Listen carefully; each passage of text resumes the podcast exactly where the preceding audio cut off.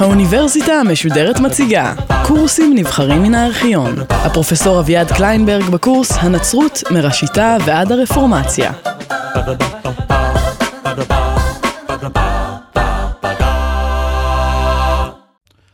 אני רוצה להתחיל בהגדרה בסיסית של מהי דת. דת היא מערכת של טקסים ואמונות המסדירה את יחסי המאמינים עם העולם הבלתי נראה. היא מקדשת את ערכי הקבוצה ומסייעת לחבריה לגבש תחושת זהות ולהסדיר את היחסים ביניהם. שלוש הדתות המונותאיסטיות הינן דתות היסטוריות. הן רואות בעולם את התערבותו של האל, התערבות המתבטאת באירועים ספציפיים בעלי חשיבות מיוחדת. אירועים אלה מוזכרים על ידי הקהילה באמצעות טקסים ותפילות. הם מסופרים שוב ושוב, בדרך המאזכרת אותם ומאפשרת לקהילה לחוות אותם מחדש.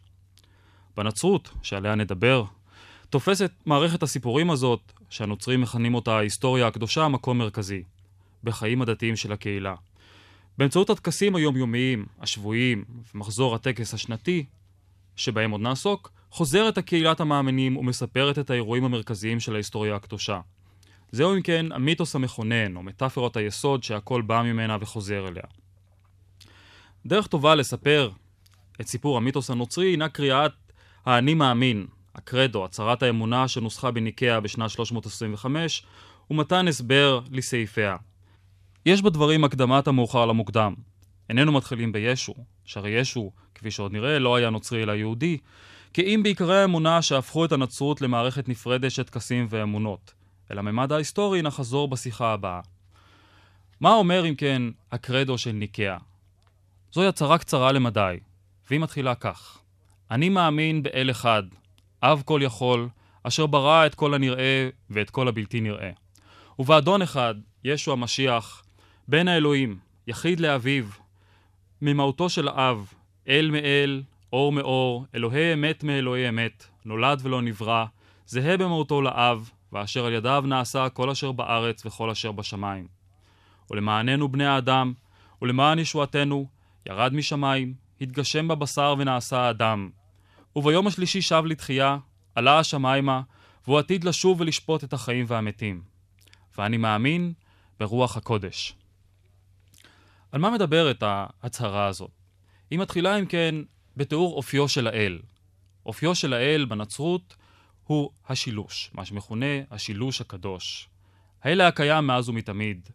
האלה הקיים לפני שהתקיימו הברואים. האלה הקיים לפני שהתקיימה ההיסטוריה. והאל הזה הוא אחד שהם שלושה. מי הם השלושה האלה? ובכן האב, הבן ורוח הקודש. מה הם בעצם שלושת הדברים האלה? מה הם בעצם שלושת הפנים האלה של האל שעליהם אנחנו אה, מתייחסים בהצהרת האמונה? קשה להבהיר בדיוק את uh, אופיו של השילוש. ברור דבר אחד, שלאל ישנה מהות אחת, ויש לו שלוש התגלויות, או שלוש התגלמויות, או שלוש דרכים שבהן ניתן לדבר עליו. הדרך הראשונה היא הדרך uh, של הכוח, נקרא לזה ככה, והיא הכוח של האל. את הדרך הזאת אנחנו מכנים האב. הפן השני של האל הוא הפן של החוכמה, uh, ואת הדרך הזאת, את הפן הזה אנחנו מכנים הבן.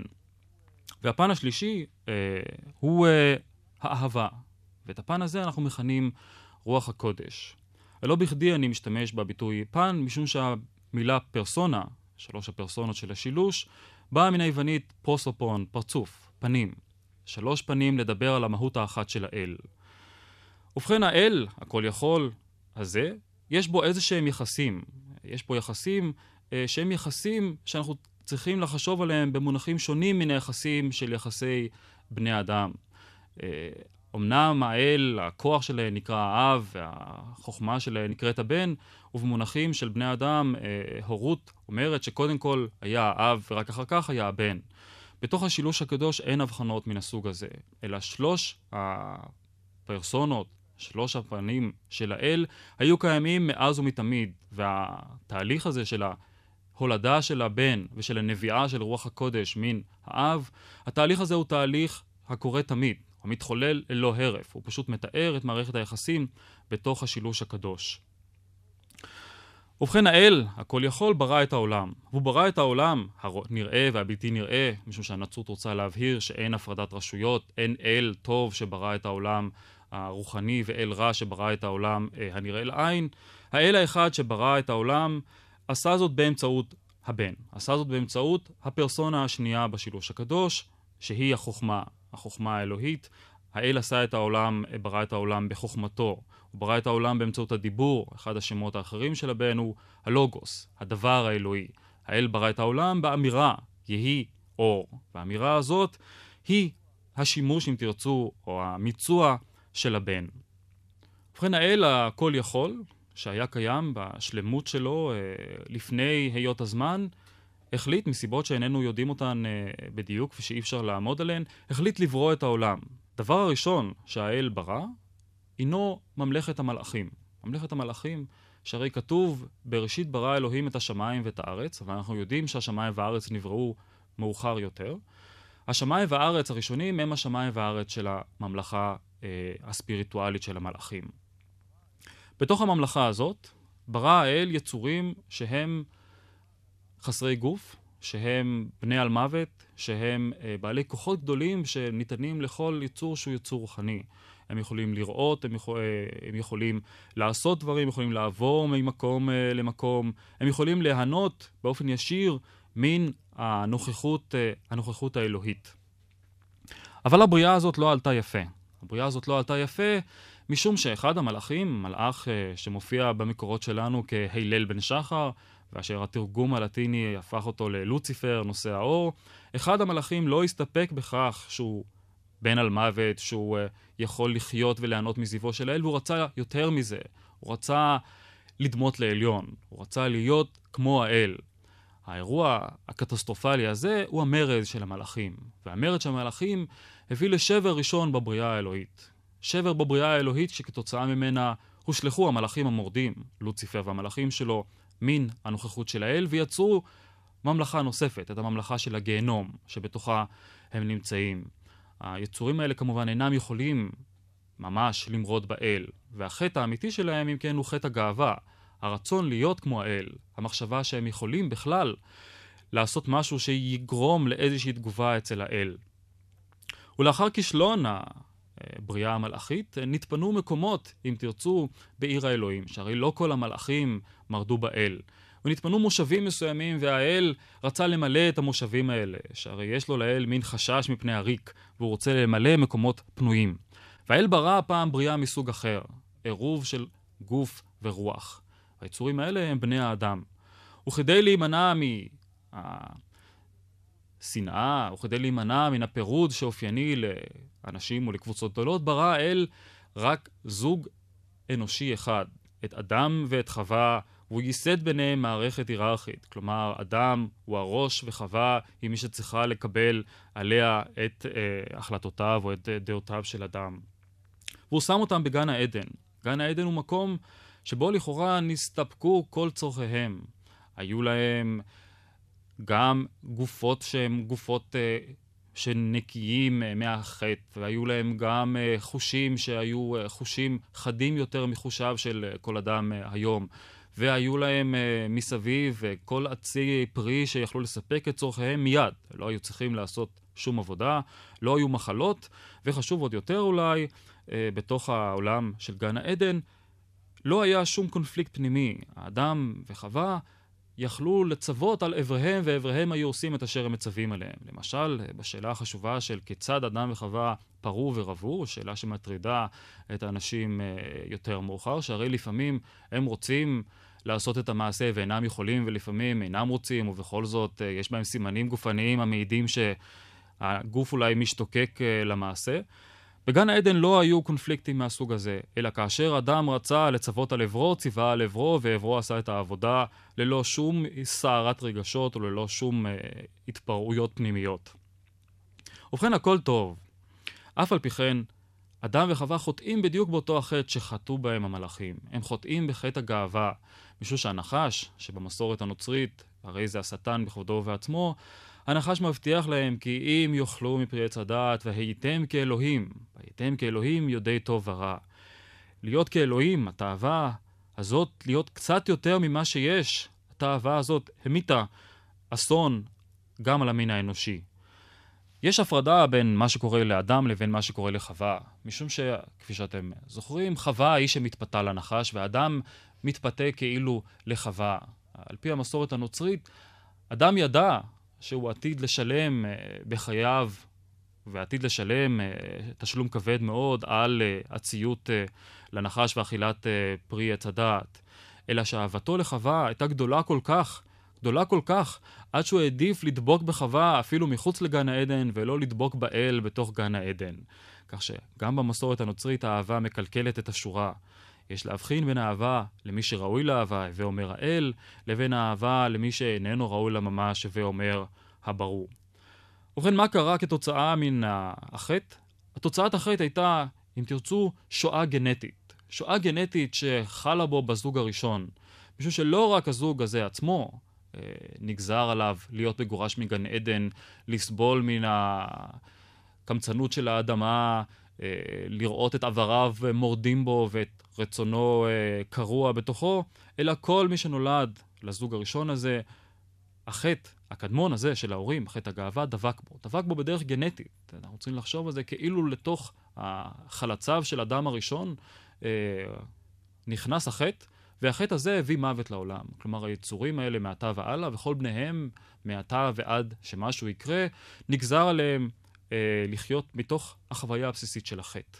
מהי החוויה של החטא? אמרתי, קודם כל, התחושה שהרצון קרוע בתוכו, שאנשים יודעים לעיתים מה הם צריכים לעשות, ואף על פי כן אינם עושים את מה שהם צריכים לעשות, והתחושה שהעולם נעשה, במקום להיות מקום שמקבל ואוהד אה, את בני האדם, נעשה עולם, ש... נעשה מקום שבו אה, החיים הם קשים ומלאים צרות ותלאות, סבל וייסורים. בני האדם, דור אחר דור אם כן, נולדו והגיעו לגיהנום. דור אחר דור, דור אחר דור, כל בני האדם, בלי יוצא מן הכלל, הגיעו הישר אל הגיהנום. הישר אל הגיהנום, הטובים והרעים כאחד.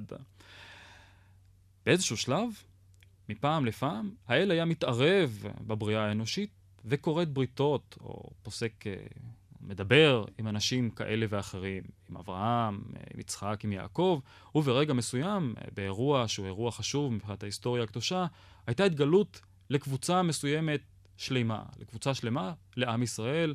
על הר סיני התגלה אלוהים לכל עם ישראל, בלי יוצא מן הכלל. התגלה לכל עם ישראל ונתן לו את התורה. נתן לו את התורה. לכאורה המצב היה אמור אה, להשתפר, שהרי התורה, ההתגלות הישירה היא חוויה נפלאה, והתורה אומרת לבני אדם סוף סוף מה הם צריכים לעשות, אלא שלא כך היה, משום שבני האדם לא היו מסוגלים לעשות את הטוב. אלא שעכשיו, בניגוד למצב הקודם, גם ידעו מהו הטוב שאותו הם אמורים לעשות, אלא שלא היו מסוגלים לבצע אותו. אחת ההוכחות שהנוצרים נותנים אה, לעובדה אה, הזאת, היא הדיבר אה, האומר שאין על בני, אסור לבני אדם לחמוד. כל שאר הדברים אפשר להגיד, לא לקחת את החמור של השכן, אפשר באמת לציית פחות או יותר, מפעם לפעם, לא לנעוף עם אשת רעך, בסדר, אפשר להסתדר עם זה. אבל העניין של לחמוד, מי יכול לשלוט על רצונות הלב? כל זה לא נועד אלא להבהיר לבני האדם שאין הם יכולים לעשות את הטוב. אין הם יכולים לעשות את הטוב. ובכן, לכאורה אפשר היה מעתה והלאה להמשיך לנצח. דור ודור נולד וכולם מגיעים לגיהנום באיזושהי מונוטוניות קצת משעממת בתוך הבריאה. אבל האל, האל גם רצה להשלים את אותם מקומות שעדיין נשארו פנויים בתוך uh, עיר האלוהים, וגם אהב את בני האדם. אנחנו לא יודעים בדיוק למה האל כל כך אהב את בני האדם, אבל העובדה היא שהוא אהב את בני האדם. ועל מנת להושיע אותם, הוא היה מוכן להקריב את בנו יחידו. להקריב את בנו יחידו. מה פירוש להקריב את, אה, את בנו יחידו? אה, ולמה צריך להקריב את, את הבן היחיד למען בני האדם? ובכן הסיבה העיקרית שלא נמצא אף בן אדם אחד שהוא נקי מחטא, שהרי כמו שאמרתי, כל בני האדם נולדו והחטא הקדמון רובץ עליהם אה, מעצם בריאתם, מעצם לידתם. היה צריך למצוא מישהו אחד, יצור כלשהו אחד, שיהיה לחלוטין נקי, נקי מחטא, שהיצור הזה יסבול על לא עוול בכפו. ובצורה כזאת תתאזן לה הנהלת החשבונות האלוהית. משום שהאל מנהל חשבונות, ועדיין המין האנושי היה כולו בצד החובה. מי יכול היה לעשות את זה? מי יוציא נקי מטהור? כמו שאומר איוב, לא אחד. היה צריך למצוא מישהו שהוא יהיה בעת ובעונה אחת אדם ואלוהים. והמישהו הזה היה הדמות השנייה בשילוש הקדוש, הפרסונה השנייה, הבן. והבן, באמצעות רוח הקודש, נולד בתאריך היסטורי מדויק שאנחנו יודעים אותו על פי המסורת הנוצרית, ב-25 במרס, שנת אחת לספירה, הופיע המלאך גבריאל אצל הבתולה מרים בנצרת, והוא הודיע לה שהיא עתידה ללדת לא פחות ולא יותר את בנו של האלוהים. והבתולה מריה נעתרה, היא הודיעה יעשה רצונך, ובאותו רגע נתעברה. נתעברה לאל, ותשעה חודשים מאוחר יותר, ב-25 בדצמבר, נולד ישו. ישו מנצרת, אלוהים לכל דבר, אדם לכל דבר, מישהו שהוא גם אלוהים וגם אדם, והוא היחיד שיכול בעצם לגאול את המין האנושי מן החטא. למה נולד, אה, למשל, כתינוק ולא הופיע ישר כגבר מבוגר? על מנת לגאול במידה מסוימת את כל שלבי החיים של המין האנושי. הגאולה נעשתה על הצלב. ישו חי על פני הארץ, הוא מטיף, הוא אומר את הדברים שעל בני האדם לעשות, הוא קובע, מתווה בפניהם את הדרך הנכונה, אבל כדי להיגאל, כדי לגאול את המין האנושי, אין די בכך. כדי לגאול את המין האנושי, חייב ישו להצלב, לסבול, להתענות, להיות מוצא להורג על לא עוול בכפו, כפי שאכן קורה. האחד שהוא נקי לחלוטין מכל חטא, מוצא להורג כגנב פשוט, מוצא להורג על ידי הנציב פונטיוס פילטוס, ונקבר. במשך שלושה ימים ישו מת, בשלושת הימים ההם, מספרת המסורת, ישו שודד את הגיהנום. מתוך הגיהנום הוא מוציא את נשמותיהם של הצדיקים. כל אלה שללא החטא הקדמון היו זכאים להגיע אל גן העדן.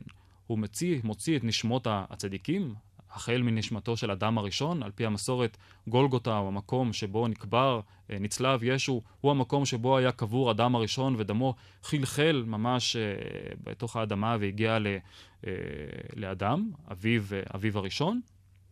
הוא נצלב, ובכן אמרתי, על גבי הצלב, וביום השלישי הוא קם לתחייה. הוא קם לתחייה. חשוב להבהיר שלא רק המוות, אלא התחייה, הניצחון על המוות, הוא הניצחון הגדול של ישו. ישו מנצח את המוות, הנהלת החשבונות האלוהית מתאזנת באיזשהו אופן, הוא עולה השמיימה, והחיים שלנו אה, בשלב זה, חיי הקהילה האנושית, כולם הם ציפייה אה, לשיבתו. משום שהוא הבטיח שבאיזשהו שלב הוא ישוב. בשלב הראשון הוא שב, הוא מתגלה לתלמידים בלבד, לאחר שהוא קם לתחייה, הוא מתגלה אליהם בדרך לאמאוס ויושב בקרבתם עוד כ-40 יום. אבל הוא עתיד באיזשהו שלב, אה, אנחנו לא יודעים בדיוק מתי, הוא אמר מהר, אבל אה, זמן זה, אלוהים לא אוהב לתת זמנים מדויקים. ובשלב שבו הוא ישוב אה, אל הארץ, עתיד להיות uh, קרב הגדול בין כוחות האל לבין כוחות השטן. השטן, אנחנו יודעים את התוצאה של הקרב הזה. השטן הולך להפסיד, ויום הדין האחרון יבוא, האל ישפוט את המתים ואת החיים, ולאחר יום הדין האחרון אה, המשחק ייגמר. זאת אומרת, ההיסטוריה במידה מסוימת תיגמר, שוב, לא יהיו uh, אנשים שחיים ויכולים לחטוא שלא לחטוא, כל אלה שצדיקים יגיעו לגן העדן, כל השאר יושלכו אל הגיהנום, ובזאת uh, יסתיים, יסתיים הסיפור. בכל אופן, אה, עד שישו יחזור, הכנסייה, הקהילה של אותם האנשים המאמינים בו, והמין האנושי בכלל, ממשיכים להתקיים, ממשיכים להתקיים. והם משתמשים בסיפורים על ישו לא רק כתזכורת לעובדה שהגאולה אכן אפשרית בזכות קורבנו של ישו וכי היא עתידה לבוא בזכות הבטחותיו, אלא כמודל, משום שישו בחייו על פני הארץ, בחייו כבן אדם, כבן תמותה, כאדם שכמו שאמרתי היה אדם לכל דבר, שהזיע, שאכל, ששתה, שדיבר עם בני אדם, נתן דוגמה של החיים האמיתיים, נתן דוגמה של החיים הנכונים, נתן דוגמה בהטפותיו ובמעשיו של איך צריך אדם לחיות בעולם הזה על מנת שיהיה זכאי וראוי לגאולה. עד אז צריך לעזור לו לאדם, משום שלמרות הניקוי מן החטא הקדמון, עדיין יש צורך לסייע לאנושות שהיא חלושה ביותר ומתנהלת אך בקושי בדרך הקשה שלה אל יום הדין האחרון. את העזרה הזאת מספקת הכנסייה. היא מספקת אותה באמצעות הטקסים שלה, באמצעות הסקרמנטים שלה, באמצעות התפילות שלה, באמצעות הקשר שהבטיח המושיע, חושב שזהו אחד מכינוייו, הבטיח המושיע לסייע, אה, לעמוד עם הכנסייה שלו ולסייע בעדה על מנת שבסופו של דבר לפחות מקצת האנשים, לפחות אלה הראויים לכך, יזכו להיגאל ביום הדין כשיגיע, לא ימצא את כל בני האדם אה, כשהם נמצאים אה, במצב של חטא ובמצב של, אה, ובמצב של אבדון בפני האל. הקרדו מסתיים אה, באמירה הסתמית משהו, ואני מאמין ברוח הקודש. אה, זה לא מקרה. מתוך שלושת הפרסונות, רוח הקודש היא הפרסונה שזכתה להכי פחות uh, התייחסות.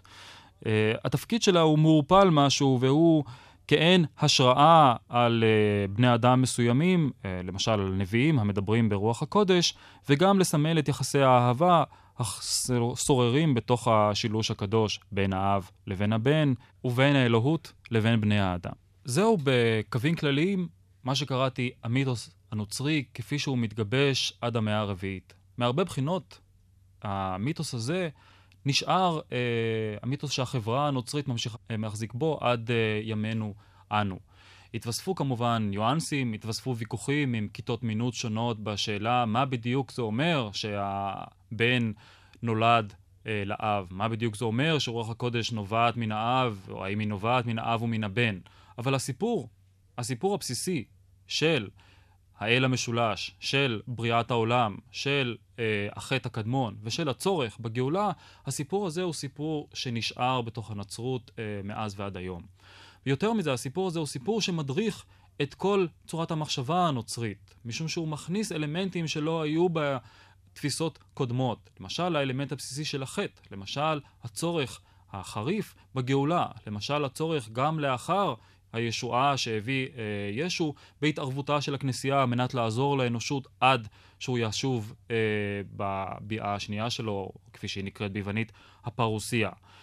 בכל אחד מן הטקסים אה, שהכנסייה חוגגת יום-יום, טקס, מה שאנחנו מכירים בתור טקס אה, המיסה, יש תזכורת לאירועים הבסיסיים האלה. יש תזכורת לעובדה שהאל הוא משולש, יש תזכורת להיוולדו של ישו, יש תזכורת לסבל של ישו, יש תזכורת למותו של ישו, לתחייתו, ויש תזכורת לעובדה שבאמצעות הדברים האלה אנחנו כולנו יכולים להגיע אל הגאולה. יש כמובן תזכורת גם לתפקידה של הכנסייה, שעליו נדבר עוד אה, באחת מן הפגישות הבאות. בפגישה הבאה אתחיל בישו ההיסטורי.